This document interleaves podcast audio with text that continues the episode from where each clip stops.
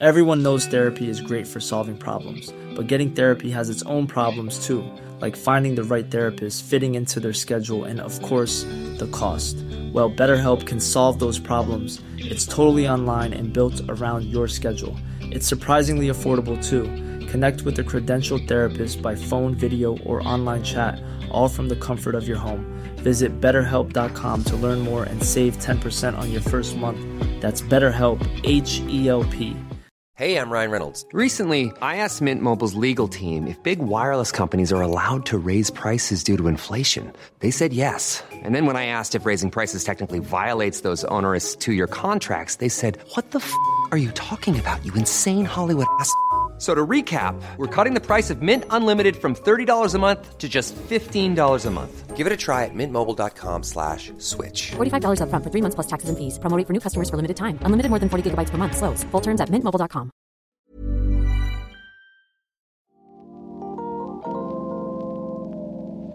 Michail Yüksel var 2018 Centerns toppkandidat på riksdagslistan i Göteborg.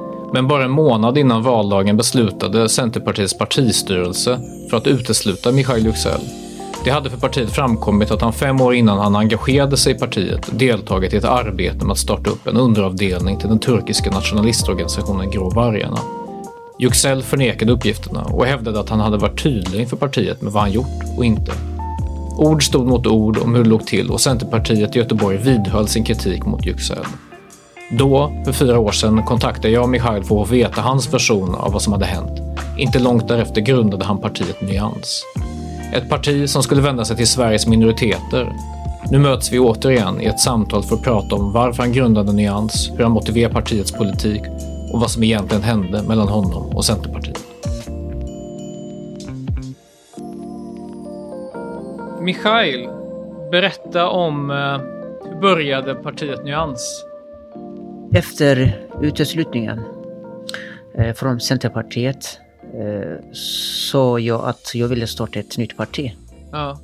Eh, och då, Varför, varför blev du, om vi backar bandet lite, för att du var ju centerpartist innan. Precis. Ja, om vi backar bandet till det liksom. Ja, men det är en lång historia. Du känner också till det. Du var, jag tror du var den första som ringde mig efter uteslutningen och frågade mig hur Centerpartiet fick den här informationen. Om kontakten eller samröre eller vad man ska säga med gråvargarna. Mm. Om du minns det. Jag minns det och det var väl så att de, de hade all information men väntade med att släppa den. Eh, Det var ungefär eh, så kan man säga. Eh, Och jag glömmer aldrig eh, när du sa till mig, om du minns, att det var många som tipsade om mig. Mm. Eh, Och du har granskat mig och inte Mm. hittat något. Nej, och, precis. och du blev väldigt förvånad när den här informationen kom Mm. fram. Eh, Det var helt ärligt jag som berättade för Centerpartiet Mm. eh, för att inte skada dem. Precis, Eventuellt, du, du berättade innan, alltså när du väl blev en del av Centerpartiet, eller blev medlem, då la du så korten på bordet och sa det här är jag. Innan jag kandiderade. Just jag frågade om jag får kandidera. Mm. Så jag berättade att eh, det var ett sånt möte Mm. där jag var och så jag sa nej till. Skulle det uh, skada partiet ifall om det kommer fram? Men eh, jag fick klart och tydligt höra att det inte skulle skada partiet Mm. utan det var en styrka, tvärtom. Den inspelningen fi- Ja. eh, har uh, Göteborgs-Posten publicerat tidigare. Mm. Och därefter uh, uteslutningen eh, och därefter sa jag att jag skulle starta ett parti. Mm. Eh, Ett liberalt parti sa jag Mm. 2018. Eh, Jag faktiskt började eh, arbeta sedan den eh, dagen. Eh, Först eh, höll jag mig borta lite. Eh, Jag stängde ner sociala medier. Eh, Jag sökte jobb och läste en del böcker Mm. för att eh, grunda partiets ideologi. Eller hitta en ideologi som passar till partiet helt enkelt. Men ehm, det tog lite tid att forma partiet, partiprogrammet och ideologin. Vi kom fram till att vi inte ska bli ett ideologiskt parti som varken liberalt eller socialistiskt eller en Mm, annan mm. ideologi. Vi tyckte att sakfrågor var viktigare. Ja. Eh, vi arbetade hårt. Eh, först skrattade man åt oss helt enkelt. Mm. Men sen började man faktiskt ta oss på allvar och efter valet eh, har vi visat att vi har lyckats, tycker jag. Mm. Ja, ni blev ju, vänta, jag skulle, låt mig ta fram de här siffrorna här. Ni blev största parti utanför riksdagen. Mm. Ehm, och eh, bara för att, så att lyssnarna förstår här.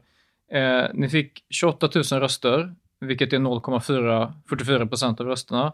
Det är dubbelt så stort som båda, ja, nästan dubbelt så stort som tvåan och trean, vilket var Medborgerlig Samling och Alternativ för Sverige. Eh, och de har ju lite längre historia ändå. Precis. Man säga. Ja, men vi tycker att det har gått bra. Men mitt mål var faktiskt eh, större än så. Eh, Mm. Jag räknade med att få 30 000 röster i storstäder, Malmö, Göteborg eh, Mm, och. Stockholm. Eh, och sammanlagt 90 000 har jag. Ja. Det, det var mitt mål. Och jag tycker fortfarande att vi kunde klara 12% spärren men mediegranskningen, eh, tyvärr eh, Sydsvenskans granskning eh, eh, om våra kandidater som tidigare delat antisemiitiska inlägg eller Mhm. antisemitiska inlägg Mhm. har skadat oss väldigt mycket. Jag är fortfarande väldigt ledsen över det faktiskt. Eh, Du tyckte inte det var en rättvis granskning? det var rättvis granskning Mm. men Mhm. eh, det var förvrängningar också en del. Mhm. Eh, jag har noterat att man har gjort felöversättningar till exempel från arabiska. Eh, och det var rätt gamla inlägg de la upp långt innan de har gått med i partiet. Eh, Mm. Partiet fanns inte då. Mm. Och vi har inte möjlighet att granska varenda person som kommer in i partiet på det här sättet. Eh, Vi är inte en underrättelse- underrättelsetjänst, vi kan inte gå in och granska deras sociala medier från dag ett. Den möjligheten och resursen har vi inte. Mhm. Men, men jag skulle ändå vilja fråga dig, ändå gå tillbaka, backa bandet ännu en gång till. För att som jag minns det, och du får rätta mig med om jag har fel här i historieskrivningen. Eh, när du gick med i Centern så var det, alltså Centern i Göteborg har alltid varit rätt svagt. Du gick med de här eh, och eh, det var en kamp då mellan vissa som var kritiska mot Västlänken och vissa som Mm, var för Det Västlänken. stämmer. Eh, och du gick liksom, blev lite grann värvad av de som var eh, västlänks förespråkare då, vilket är så att säga etablissemangslinjen här i Göteborg. Och, eh, och, och, och det, du tjänade dem väl i det så att säga, att stödja den linjen. Men sen så, sen så blev du populär och hamnade högt upp på listan. Och den kandidat som var lite grann liksom, Centerns eh, huvudkandidat i Göteborg, Rickard Nordin, han, han blev ju ledsen för att han inte kom etta. Han var ju van vid att vara riksdagsledamot. Precis. Och då, det var då de drog fram det här. Ja, det kan man som säga. de tidigare hade sagt att det här var ju ingenting. Du hade lagt det på bordet och så. Jag har ju, jag har ju kollat det. Eh, och såg det du hade, hade gett till dem och så vidare. Men de använde det när du inte längre var bekväm så att säga. Precis. Gjorde det dig bitter, arg, besviken? Eh, alltså, det blir väldigt obekvämt för mig efter att eh, jag har toppat riksdagslistan. Detta är så 2018 va? Ja, precis. Eh, då var det en sorts häxjakt på mig. Eh, man har försökt bara tillskriva mig åsikter och eh, granska mig, koppla mig till personer som jag aldrig eh, träffat. Och det där började lite innan också, som du säger, den här falanget där, antivästlänkgruppen och eh, den andra gruppen som eh, Emily då leder. Emily Bönfors. Precis. Ja. Vi, vi har egentligen kuppat in henne eh, på ordförandeposten. Eh, Med mitt stöd blev hon ordförande och då var det inte problematiskt eh, att komma med många medlemmar och välja henne som ordförande. Efter det där blev jag också första vice ordförande. Och då blev det väldigt obekvämt för mig. Det har börjat bli obekvämt för mig. An- andra gruppen, de som är mot Västlänken, har börjat granska mig och hitta rykten, sprida rykten om mig. Ehm, och när jag eh, toppade eh, riksdagslistan så blev det ännu obekvämare. Då har den andra gruppen också börjat typ jaga mig, man kan säga. Eh, De som hade velat få in dig då? Precis. Konflikterna har börjat dyka upp, till och med med Emily. Ehm, och med den kandidaten, alltså tidigare riksdags, eh, dåvarande riksdagsledamoten, han är fortfarande riksdagsledamot. Han var nära vän med partiledningen.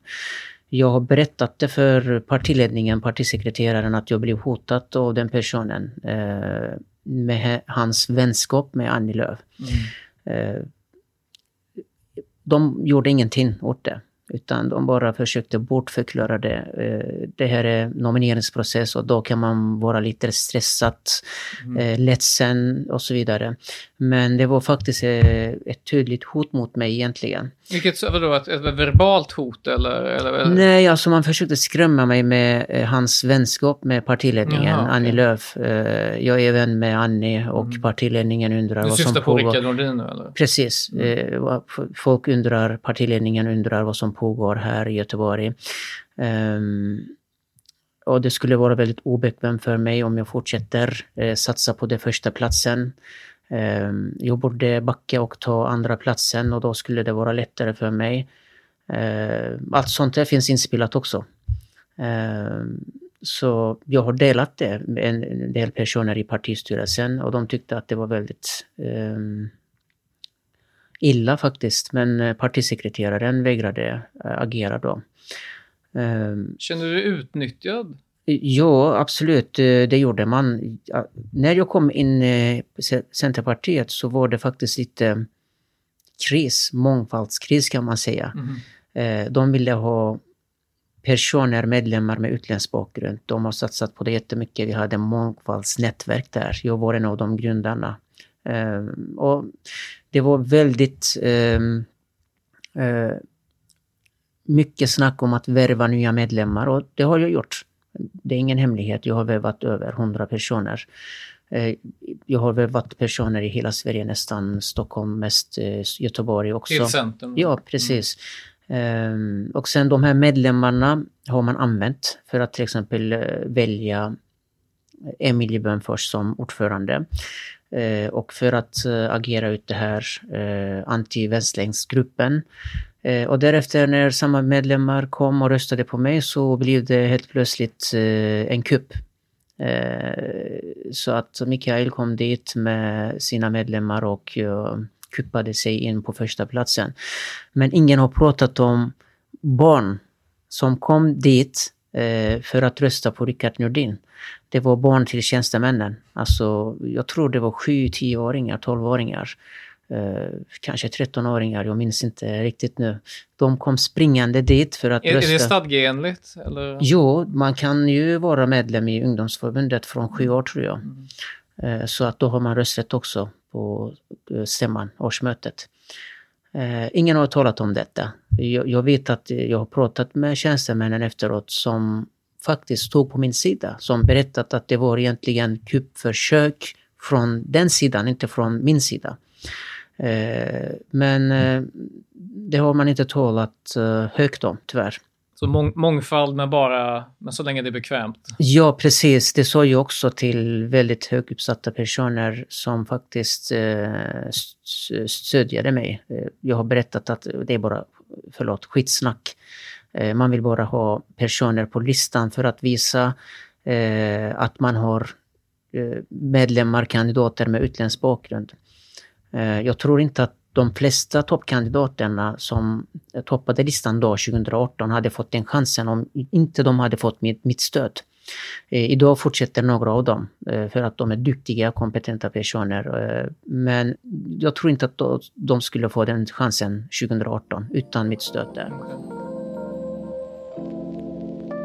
Jag pratade med Rickard Nordin, riksdagsledamot för Centerpartiet, om dessa uppgifter. Han svarade att Yüksels ord får stå för honom. Några bevis är inte framlagda. Beslutet om uteslutningen av Yüksel fattades centralt, inte lokalt.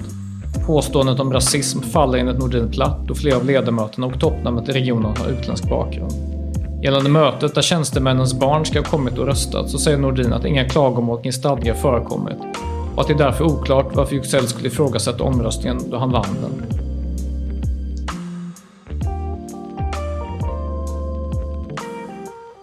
Och, och, efter det här så, du höll dig undan ett tag, du gjorde annat, läste på och så. Och sen så grundade du partiet Nyans.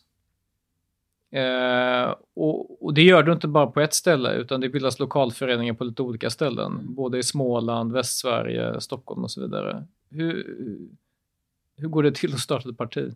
Eh, det är väldigt svårt, det är jobbigt, eh, tufft eh, kan jag säga. Och den största utmaningen är att hitta faktiskt kompetenta personer och kandidater. Det har vi drabbats av och det drabbas vi av fortfarande. Ja, det har ju varit en hel del konflikter. Och... Inom partiet, det stämmer. Ja. Och under valrörelsen har vi haft det, den här granskningen till exempel. Eh, det var tufft, men det var många som visat intresse för partiet. Det var många som var trötta på de etablerade partierna. Många tidigare eh, politiker, kandidater eller som varit aktiva i andra partier eh, gått över till oss. Eh, vi har börjat med ett kärngäng, partistyrelsen. Eh, och det var jättebra gäng faktiskt. Eh, och jag själv reste runt hela Sverige mycket mm, ofta. Malmö, Stockholm, Göteborg och vissa andra små kommuner. Um, och vi har börjat expandera egentligen under valrörelsen när vi blev mest kända. Uh, när alla tidningar och medier börjat skriva om oss. Till och med valdagen. Det var folk som skickade in uh, uh, ansökan för att, anmälan för att bli kandidat på valdagen. Mm, mm, mm. Eh, men nu tror jag att eh, det kommer gå bättre eh, framöver. Vi har självklart utmaningar, interna konflikter. Om vi lyckas lösa de här så tror jag att vi, vi, vi kommer lyckas förr eller mm. senare. Men du, du, du nämner att ja, men du gick ju från ett parti som var utpräglat ett liberalt parti med liksom en landsbygdsprofil och så startar du ett parti som, som du själv säger, inte har någon egentlig, inte är förankrat en speciell ideologi. Så hur, hur resonerar man då? För att alltså, läser man ert, ert partiprogram så är det, det är, det är en blandning. Alltså, det, det är lite, mm.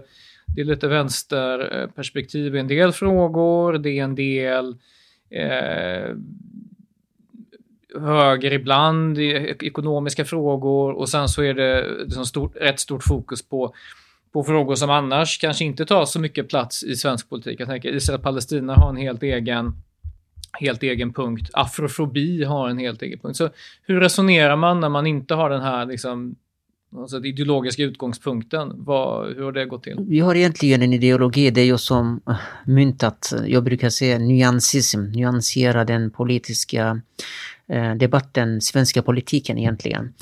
Eh, Ja, det stämmer. Det är mycket höger och vänster och mittenpolitik vi har. Vi tittar på resultat. Det spelar ingen roll om ett förslag har rötter i eh, liberalismen eller socialismen så länge det leder till lösning och resultat. Vi tror på fristående skolor, men vi tycker inte att fri hyressättning eller marknadshyror eh, kommer gynna Sverige. Ehm, och vi, eh, vi är för eh, fristående aktörer inom skolverksamheten men vi är emot inom sjukvården. Ehm, det är lite blandat. Hur kommer det sig? Det är rätt intressant ändå. Ja, ehm, vi tycker att hälso och sjukvård jag, jag tyck, vi tyckte inte att man kan eh, höja ribban genom att eh, ta in fler fristående aktörer. Standarden är eh, solklar. Eh, sjukvård är sjukvård. Eh, det är samma eh, material och eh, samma maskiner man använder och man anställer läkare, eh, sjuksköterskor. Vi tror inte på att det kommer höja ribban. Det, det, det blir inte ett bättre resultat. Men i Så skolan, har vi resonerat. Skolan, där har vi ett tydligt eh, resultat egentligen. Tittar vi på Sveriges eh, sämsta 100 sämsta skolor. Eh, 98 tror jag och de är kommunala. Där ser vi att uh, kommunala skolor inte lyckas. Och varför ska vi då satsa på kommunala skolor och uh, uh, motarbeta fristående aktörer? Det är helt fel och det där är väldigt konstigt också eh, att oppositionen idag, högerpartierna som är egentligen för fristående skolor. De är väl regeringspartierna menar du? Ja, precis. Idag regeringspartier. Eh, de har aldrig eh, lyft den här frågan på det här sättet när man debatterar vinster i skolan. Varför debatterar vi vinster i skolor och inte kommunala skolor? Där också skattepengar kastas i soptunnan egentligen. Eh, det har ju aldrig hört från eh, regeringspartierna tidigare, oppositionspartierna. Eh, vilket jag tycker att det är väldigt fel. Men kan man inte tänka sig att det finns även dåliga utförare, eller bra utförare för den delen, inom, inom privat uh, hälsovård? Det finns säkert dåliga och um, bra utförare inom hälso och sjukvård också. Uh, men sen tror jag också mycket på svensk sjukvård där alla har lika chanser och möjligheter utan att gå före eh, kön eh, genom att betala extra, till exempel mm. som vissa länder som USA eller Turkiet. Jag känner igen mig där. Ehm, så alla får samma vård för samma pengar, eh, även om det finns vissa mm, ja, försäkringsbolag som ger förtur och så mm. vidare. Så jämfört med de här länderna, USA och Turkiet, är det jättestor skillnad. Mm.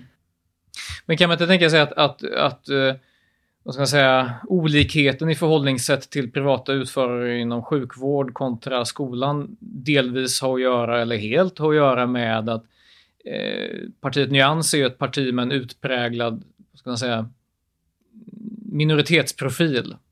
Inriktad på minoriteter, det är där ni kampanjar, Ni kampanjar inte i liksom Askim utan ni kampanjar ute liksom i Biskop eller Länsmansgården. Och att eh, det finns ett, en, en större man appellerar till fler och man säger att den liksom lokala eh, religiösa friskolan ska få finnas kvar. Skolor som ju ofta är, en del i alla fall, uppmärksammade i media, kritiserade och så vidare. Tror du inte att, är det inte det som är skälet till att ni absolut är för är privat? Uh, nej, inte riktigt. Jag kan också säga innan att uh, hälso och sjukvård är inte uh, helt min starkaste sida. Nej, okay. uh, men um, nej, det är inte därför, utan återigen, titta på resultatet här i Göteborg också. Eh, sämsta skolor är kommunala och mm. eh, bästa skolor är fristående. Det kan inte vara en slump, ärligt talat. Eh, och eh, en fritidspolitiker som sitter i utbildningsnämnden styr skolan. Ja, vi kan prata om demokrati och det svenska kommunala självstyret och så vidare, men um, när vi ser att det går så dåligt, ska vi verkligen fortsätta med det? Vi är för religiösa friskolor, muslimska friskolor, kristna och judiska. Vi ser inget problem så länge de sköter mm. sig, men sköter de inte sig så ska vi inte ha dem heller. Det kan du... Vad, vad, vad, vad säger du liksom om... Skolinspektionen har ju uppföljningar och, och, regler och när de prickar skolor eller helt drar in tillstånd och så vidare. Men hur långt gången ska friheten vara inom ramen för en religiös friskola att ha en religiös profil? Eh, liksom, eh, är, tänker du exempelvis att är könssegregerad undervisning, vore det okej? Okay? Uh, nej, alltså det, egentligen finns det inte religiösa friskolor i Sverige uh, jämfört med Storbritannien till exempel. Uh, jag minns en forskare som besökte Sverige och blev förvånad varför man kallar de här skolorna för religiösa friskolor. Eh, det har ingen med religion att göra, säger hon. Ehm, det tycker jag faktiskt inte, att man ska segregera på det här sättet. Men sen... Alltså mellan eh, kön? Nej, nej alltså det borde eleverna bestämma själva. Ehm, när, hur en alltså omröstning eller? Jag tänker så här, till exempel det var um, en skola för ett tag sedan. Det var um, flickor som satt längst bak på bussen. Eh, när man tittar på det här så känns det som att det är skolan som egentligen som separerar dem, segregerar dem. Men eh, det är flickorna själva som vill sitta längst bak kanske med flickor. Eh, det är så i andra skolor också. Det är oftast eh, pojkar som umgås med pojkar och flickor med eh, flickor. Eh, jag gick... Ehm, Alltså jag kom till Sverige när jag var 18 år. Mm gymnasiet, det var inte religiöst, det var inte könssegregerat men eh, vi brukade eh, umgås med killar och tjejer med tjejer. När vi hade skolresa så eh, hade vi solresa till exempel. Eh, vi var eh, på samma strand, vi var på samma hotell, vi använde samma pool, men när vi var på bussen så var killarna längst bak. Så jag tänker, eh, jag tycker inte att eh, skolan ska separera på det här sättet, men vill eleverna själva så tycker jag att man ska ha den friheten. Okej. Okay. Um genomgående i, i beskrivningen av nyans eh, utifrån eh, kommentarer när man liksom läser om er på, på sociala medier och så vidare. Och, och jag vill ändå tillägga att jag, jag även själv, när jag ska skrivit om er så har jag ju ändå skrivit att jag Även om den religiösa profilen är oklar, det, det, är inte som att det är, liksom, det är inte religiös lag rakt av i partiprogrammet, utan det är liksom sakpolitik som i många fall inte har någonting med religion att göra. Men man får intrycket att det är ett, ett, eh, ett minoritetsparti och ett sunnimuslimskt minoritetsparti. Vad tänker du om bara den beskrivningen? Jag vet inte varför, hur har man har lyckats komma fram till den beskrivningen. Sunnimuslimskt, när någon kommer till partiet Nyans frågar jag aldrig vad man har för bakgrund. Jag har faktiskt partivänner som jag aldrig eh, frågat eller undrat eh, vilken bakgrund eller religionsinriktning de har. Eh, jag fick långt efter veta att eh, en del av våra kandidater eh, hade shiitisk bakgrund. Det, det tittar vi faktiskt inte på och vi har aldrig tänkt på det. Nej. Vi har icke-muslimer och vi har aldrig frågat är du muslim eller inte. Mm. Det är vi inte, aldrig intresserade av. Men, no, men okej, okay. Nå någonting som ändå tycker jag genomsyras i partiprogrammet är ju att det är ett parti, för det, det, finns ju inga andra partier som har så extensiva delar av sitt partiprogram ägnade åt exempelvis Israel-Palestina-konflikten eller afrofobi. Det är ett parti inriktat till en rätt stor grupp i Sverige, eh, i svenska förorten. Eh, den beskrivningen, stämmer den bättre i så fall? Ja, det stämmer. Vi vänder oss mot hela Sverige, men särskilt mot minoritetsgrupper och extra mycket på, mot muslimer. Eh, för att vi tycker att de är den mest drabbade, drabbade gruppen i Sverige. Ja, islamofobin är absolut den mest eh, utbredda formen av rasismen i Sverige då, enligt statistik och rapporter. Eh, och sen absolut där gällande Israel-Palestina-frågan har vi helt annan syn. En... Afrofobi. Andra partier. Mm en annan, en annan inställning till frågan. Liksom. Precis. Ja, okay. vi, vi, vill eh, införa sanktioner mot Israel precis mm. som man inför mot uh, Ryssland idag. Ja.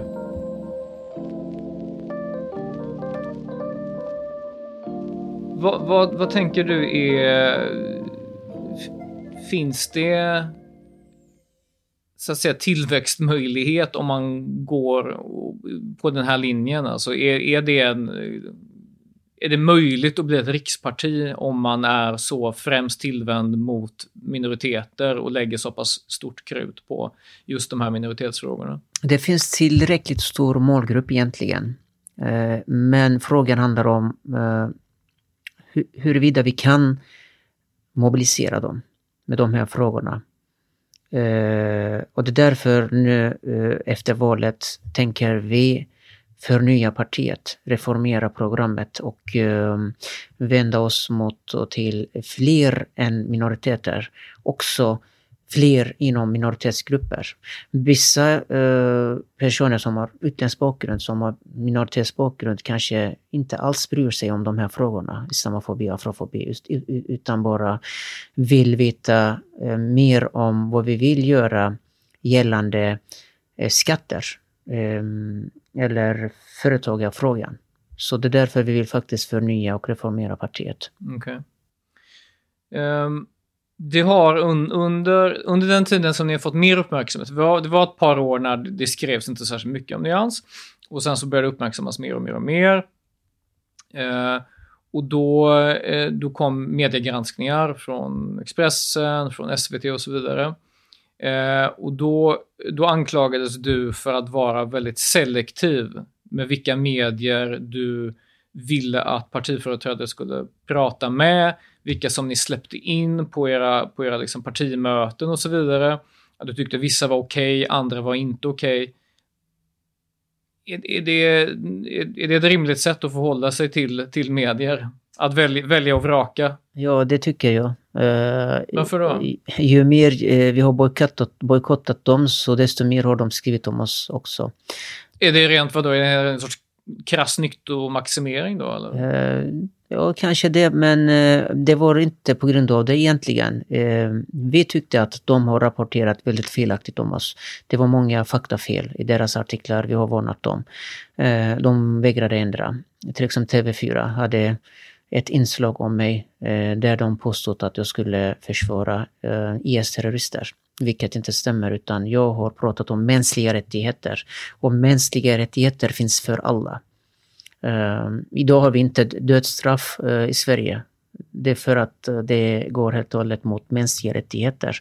Om jag är emot dödsstraff för terrorister så betyder det inte att jag är för eh, terrorister, utan jag är för mänskliga rättigheter för alla. Eh, det har jag försökt förklara för dem och de har vägrat lyssna. Och då har vi sagt att nej, då släpper vi inte in er så länge ni inte rapporterar ärligt. Eh, jag vill eh, faktiskt ehm, inte att läsarna, tittarna ska få felaktig information via de här kanalerna. Så det är bättre att de får ingen information från vissa Precis. medier? Ja, då kan de äh, hämta informationen via andra kanaler som är äh, ärligare. Men det, det, är ändå, alltså, ä, även om du tycker att vissa behandlar partiet och dig orättvist så jag kan inte komma på något annat parti som rättvist behandlat eller inte som har gått så långt att de bara, nej men vi släpper inte in den och den mediekanalen på, på våra möten. Alltså det är ett ovanligt grepp. Precis. Det, det ska kanske till och med ge intrycket av att det är, jag vet inte, liksom, eh, ja, mediefientligt i viss mån. Journalistfientligt. Mm, det är vi inte faktiskt. Eh, jag, jag är väldigt trevligt eh, mot alla journalister när jag bemöter dem. Men skriver man osanningar så kan jag inte ge intervjuer längre jag vet att det kommer bli eh, en eh, förvrängt artikel och då tycker jag att det inte är en idé att prata med den journalisten. Um, men uh, som sagt är jag hur, inte hur skulle som... du säga, eller hur skulle du säga om andra partier gjorde på det här viset? Alltså om, om, om jag vet inte, Socialdemokraterna vägrade tala med samtliga journalister på Svenska Dagbladet? Med samtliga journalister? Ja, alltså de sa bara vi, vi, vi bojkottar SvD för att i SvDs senaste granskning så eh, behandlades vi orättvist. Men eh, jag tror inte att uh, något parti har behandlats på det här sättet som vi har behandlats. Uh, kanske till en viss nivå Sverigedemokraterna, men det är ett stort parti som faktiskt har stora egna uh, mediekanaler där de kan förklara sig och deras väljarbas. Mm också följer de kanalerna istället för SVT, TV4 eller Expressen. De har inte heller eh, tillit eh, till de här eh, kanalerna. Men vi är ett litet parti, vi har inte råd med detta faktiskt. Okej. Okay, okay. Jag vill återkomma ändå till, till uh, hur, hur, hur partiet nu, nu kommer att utvecklas. Även, okay, du förkastar tanken att det skulle vara ett specifikt muslimskt parti och specifikt ett sunnimuslimskt parti. Eh, samtidigt så är det liksom ett, men det är ett minoritetsparti, ett, ett förortsparti i, i, i stor utsträckning. Eh, tror du att för minoriteterna i Sverige, eh, och i synnerhet den muslimska minoriteten i Sverige, är det sådant som rör eh, internationella konflikter, då tänker jag på Israel Palestina, eh, eller diskriminering, rasism och så, är det stora frågor som är så att säga avgörande i den svenska politiken och avgörande för människors liv här i Sverige? Eh, Palestinafrågan är väldigt avgörande. Eh, det finns en jättestor grupp här som har rötter i Palestina eller Libanon, eh, ursprungligen från Palestina. Eh, men vi försöker hålla oss utanför etniska konflikter. Men Palestinafrågan är helt en annan sak. Ja, varför då? Eh, ja, men det är ett eh, internationellt problem egentligen. Ehm, konflikten har pågått nu i 74 år tror jag. Eh, och det finns flera internationella organisationer som säger att Israel begår krigsbrott Eh, FN eh, har kritik, EU har eh, kritik. Så det är en helt annan fråga. Man kan inte se den som en etnisk fråga men däremot vill vi hålla oss utanför till exempel um, etniska konflikter som finns i and, andra länder. Det kan vara... Men, men, men jag tänker på, på kriget i Jemen exempelvis som ändå där det är krigsbrott. Eh, det är sannolikt många som direkt eller indirekt, nu är väl antalet jemeniter färre än antalet palestinier och libaneser i Sverige visserligen, men men, men det är en, en konflikt eh, som också är så att säga, den är från Mellanöstern, många är nog intresserade av den, men det, det har inget speciellt kapitel om den. Det är inget kapitel Nej, om, om Burma och, och, minoriteten där som förtrycks av, eh, av regimen där. Eh, så varför just Israel-Palestina? Eh, det stämmer eh, och jag håller med dig där faktiskt. Vi borde kanske ha en punkt just om de här länderna också men som sagt eh, partiet Nyans är ett väldigt nytt parti, nyetablerat och vi har faktiskt inte hunnit med alla punkter. Det har kommit många förslag om andra internationella konflikter också, till exempel Pakistan har problem med Indien. Mm. Men vi har inte hunnit med det. Men ponera att ni, att ni gör någonting på det här, för att ni har ju också de här internationella frågorna. Israel-Palestina är ju på något sätt, om man har ett muslimskt parti i Sverige så är det enklare att ha en Israel-Palestina-punkt. För att där är väl alla eniga liksom, man fördömer Israel och så vidare. Och så vidare. Men har man en punkt om, om Jemen eller säg Syrien, då blir det direkt mer komplicerat. För... Nej, vi har Syrien i partiprogrammet. Uh, där är vi också tydliga. Uh, men Jemen eh, har vi aldrig pratat om om jag ska vara ärlig. Mm, mm. Okay. Finns det inte en, en eh, jag vet inte om ni har diskuterat det, du får jättegärna berätta om det, att man har ett parti som, som ändå lägger så pass mycket krut på minoritetsfrågor, att det just blir etniska konfliktfrågor, alltså mellan, mellan shia, sunni, mellan olika grupper, alltså de som är kanske i står, jag vet inte, på liksom den liksom eh, Saudi-linjen i Mellanöstern, de som mer står på, på eh, iranska linjen. Alltså hur, hur, undviker man den sortens interna konflikter som har på något sätt transplanterats från Mellanöstern till Sverige? För de befinner sig ändå i Sverige, de här liksom, konflikterna. Man slutar ju inte ha de här uppfattningarna bara för att man har flyttat. Den konflikten har vi aldrig haft. Eh, vi har försökt ena folk kring ett mål och det är minoritetsrättigheter och det är muslimernas rättigheter. Eh, jag brukar säga eh, att det inte spelar någon roll eh, från eh, vilket land man kommer.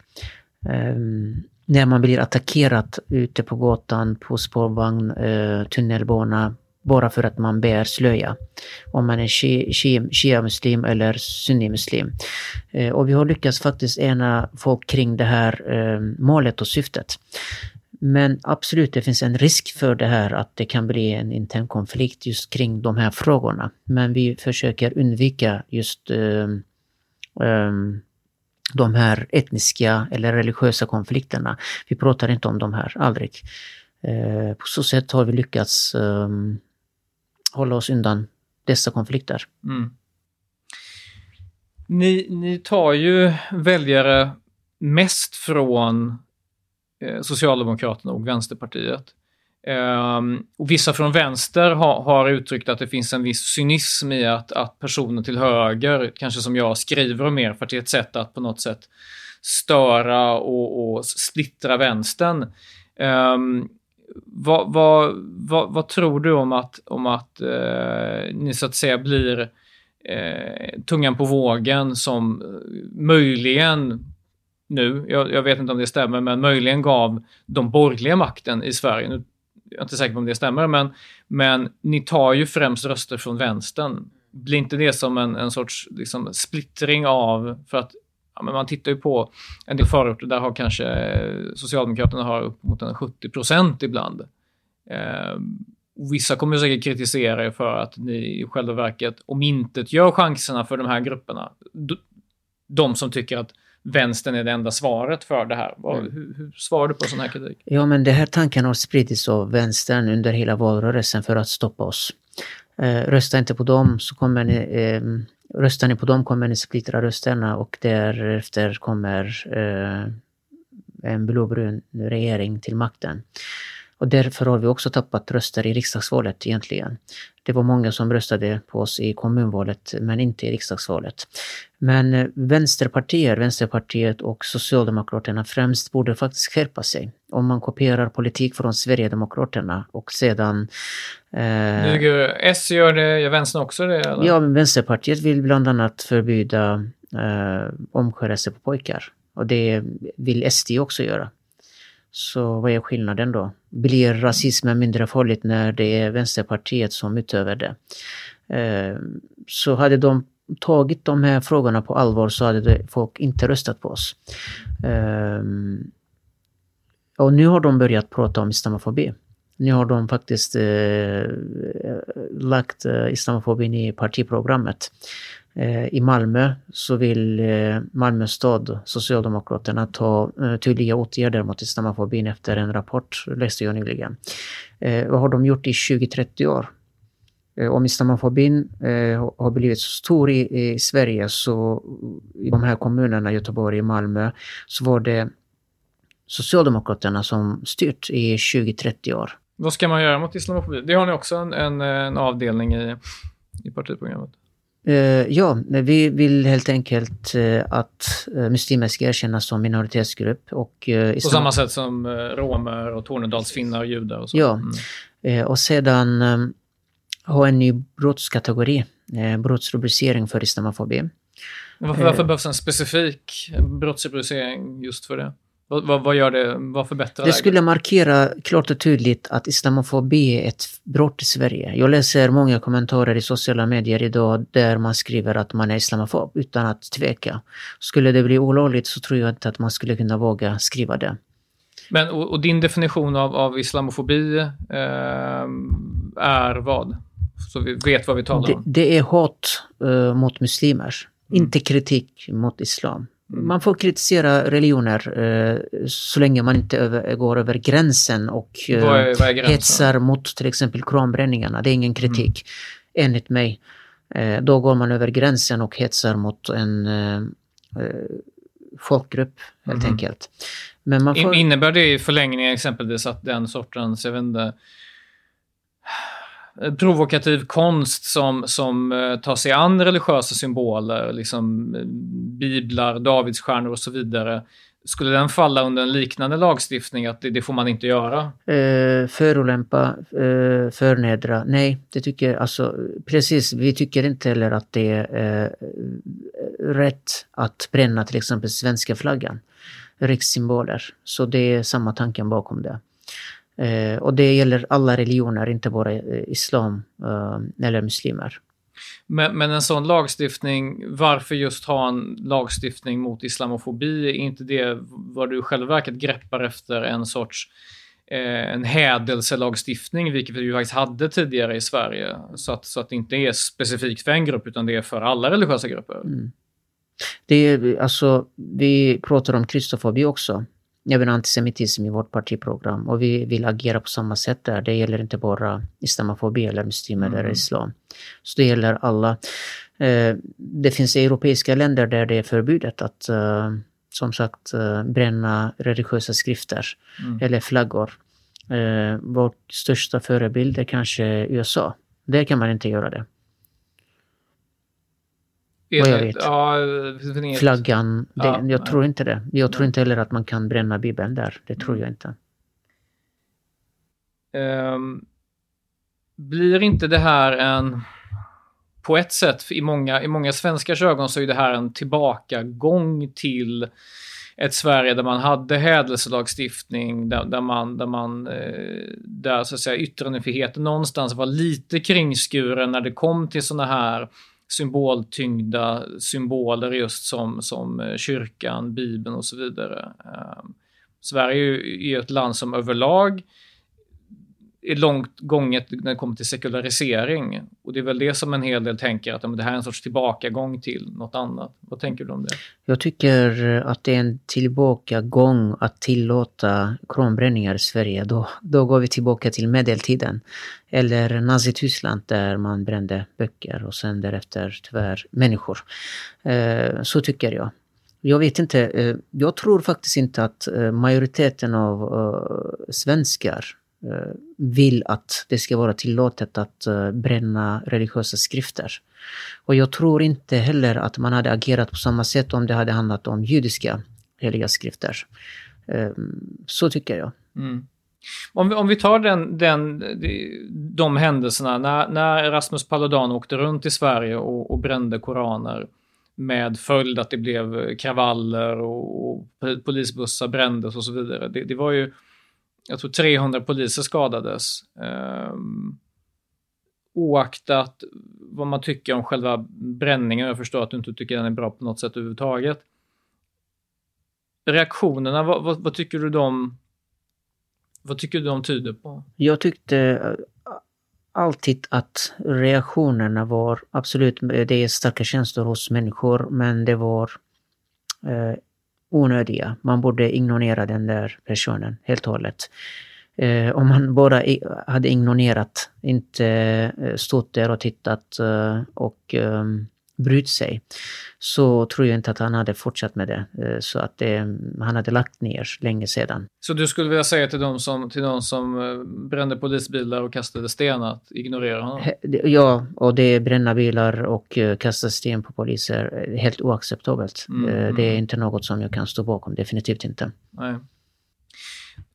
Tycker du det är ett, ett, ett problem att vi har eh, ett utanförskap i Sverige och det definierar jag som, som människor som har som eh, bor segregerat och samtidigt har en, en svag anknytning till samhället i form av ja, men, låg sysselsättningsgrad, kanske lågt valdeltagande, eh, dåliga svenska kunskaper även bland barn födda i Sverige. Det, det finns ju exempel på det. Eh, för man går i en klass där det inte det finns ingen som har svenska som, som modersmål. Eh, vad, är det ett problem och vad gör man åt det? Uh, ja, det är ett problem om man inte kan behärska språket i Sverige. Det, det språket är def, definitivt eh, det um, starkaste nyckeln till samhället och jobb och allt annat. Och vi vill också därför uh, utreda möjligheten att införa obligatorisk svenska för de som saknar jobb. Um, men jag tycker att vi behöver ändra vår syn på utanförskap och segregation.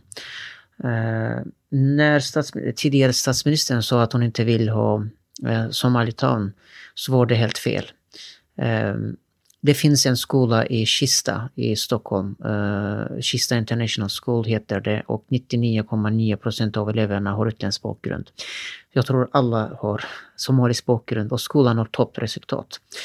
Eh, det som inte fungerar i de här eh, områdena, eh, förorterna, är samhällsfunktionerna. Skolan fungerar inte, eh, arbetslösheten är högt och kriminalitet är högt. Det är det som är problemet.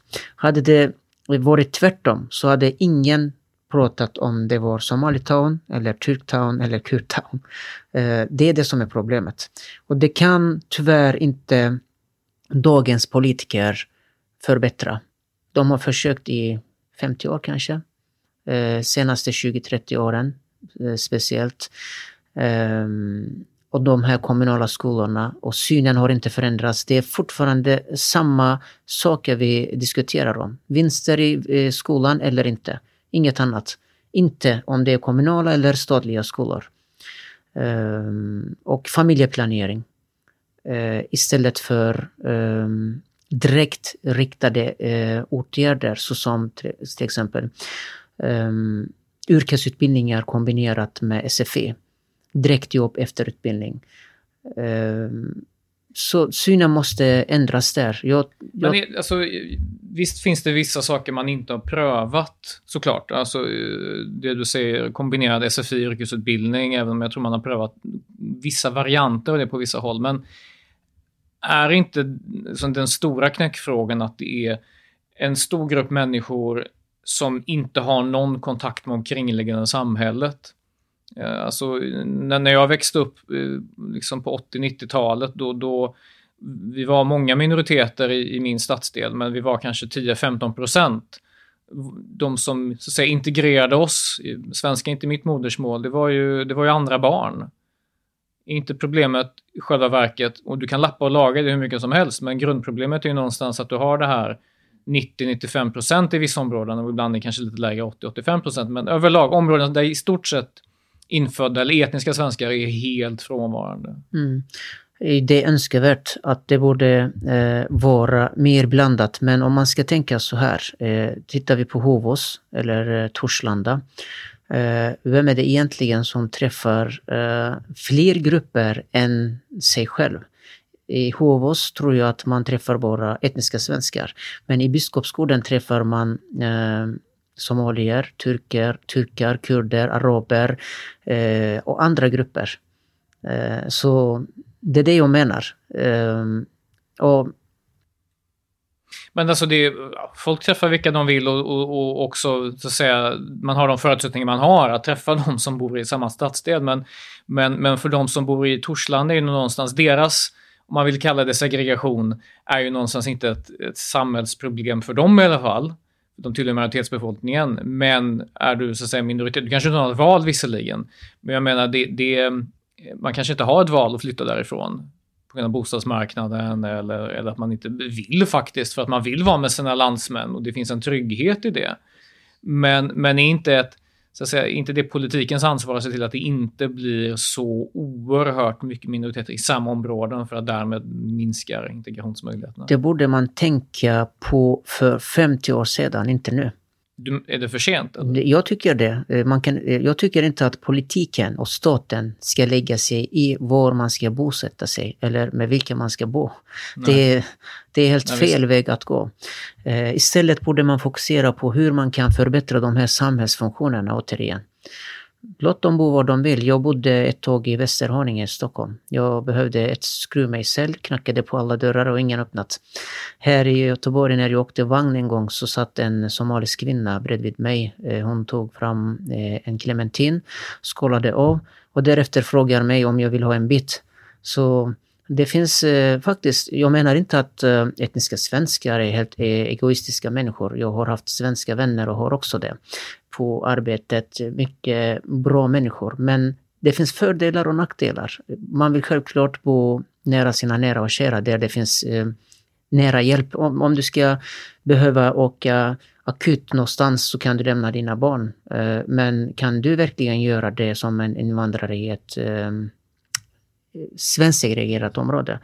Eh, återigen, det är inte det som är problemet. Jag skulle gärna vilja se ett samhälle där hälften är etniska svenskar, hälften är, eh, har utländsk bakgrund och alla samhällsfunktioner fungerar bra. Men det har det inte gjort tyvärr. Eh, det, har, det vi ser och sett att man har flyttat från de här områdena, etniska svenskar. Jag hör berättelser om Biskopsgården eh, när turkar kom till Sverige under 60-talet. Eh, och jag hör berättelser om Majorna till exempel. Eh, nu är det helt tvärtom. Så man har tyvärr eh, infört en felaktig politik och eh, inte satsat på de här samhällsfunktionerna och fokuserat mer på ordet segregation. Ska det vara mer svenskar, eller färre svenskar, fler svenskar, eh, färre invandrare istället för att satsa på skolan, eh, alltså man satsar på skolan. Man, man har ju en, en skola i Göteborg med eh, en, en majoritet utlandsfödda eller barn till utlandsfödda har ju mer pengar per enskild elev än vad man har i Askim eller Torslanda. Eh, man satsar ju redan idag. Det vill säga att det finns en fördelningsnyckel. Ja, så man har ju redan mer pengar i utsatta Det är det jag menar också. Där eh, vi istället pratar om vinster i fristående skolor. Mm. Eh, som du säger, man skjuter extra pengar till de här områdena, till skolorna. Eh, och eh, det är samma skattepengar. Och det går dåligt, det går inte att förbättra. Ehm, som sagt, vi måste ändra synen där och eh, fokusera mer, mer på problemet istället för ideologiska disputer där. Nej, vi är mot friskolor för att vi är socialister eller mm. vi är mot för, för marknadshyror för att vi är liberaler. Det funkar inte så.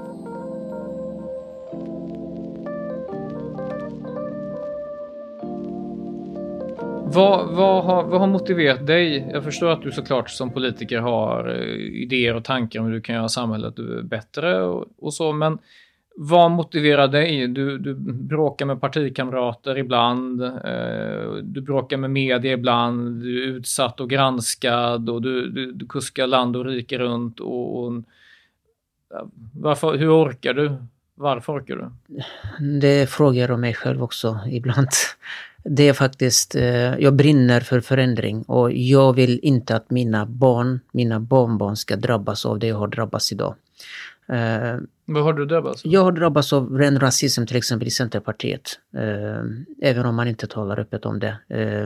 Och jag drabbas av diskriminering på arbetsmarknaden. Det ser jag.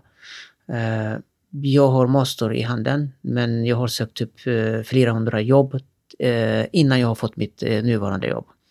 Och jag söker fortfarande eh, andra tjänster men där har jag fortfarande samma problem trots den här erfarenheten, eh, utbildningen, kompetensen. Eh, jag vet inte om, om jag hade varit etnisk svensk och hade haft den här kompetensen, utbildningen, startat upp ett nytt parti och eh, lyckats eh, så här långt. Jag hade fått säkert eh, en väldigt hög uppsatt position i ett jättestort företag tror jag. Men idag tror jag inte att jag kan få det. Eh, dels för att jag är partiledare för partiet Nyans som är islamistiskt stämplat. Eh, dels för att jag har utländsk bakgrund eh, och dels kanske för att, eh, på grund av andra anledningar. Och jag vill inte att mina barn ska drabbas av det. Jag har eh, sett till att de har fått en bra utbildning. Eh, de har kommit in på bra utbildningar och jag hoppas att de inte drabbas på samma sätt. Och jag vill inte att andras barn ska drabbas på samma sätt. Eh, jag kan flytta tillbaka till Turkiet när jag vill men det finns folk här som faktiskt inte kan flytta. De har inget land att flytta till. Eh, jag ser det som en plikt. Jag måste kämpa ett tag till och eh, se till att förbättra situationen för de här människorna som vill vara kvar här. Jag vill inte vara en egoist. Eh, det är det som motiverar mig och inget annat. Jag har inte tjänat ett enda öre på partiet Nyans faktiskt. Jag har eh, tvärtom förlorat. Och nu när jag till exempel får mandat eh, i Botkyrka, jag tjänar ingenting på det heller. Jag kommer gå back i ekonomin. Men vem gör detta egentligen? Jag tror inte att någon gör det. Någon politiker gör det. Om man inte brinner för sitt mål. Till och med etablerade partierna hamnar i bråk när de ser att de börjar tappa och de här positionerna, posterna börjar försvinna. De petar sina partiledare. Det vi sett i Moderaterna till exempel innan eh, Ulf Kristersson. Det var just eh, diskussioner om att man har börjat bli oroliga för att man ska tappa sina poster. Eh, man försörjer sig helt enkelt på politiken i Sverige. Men så tänker jag inte. Jag brinner för förändring och för mitt mål, inget annat. Michal Yüksel, tack så mycket. Tack själv.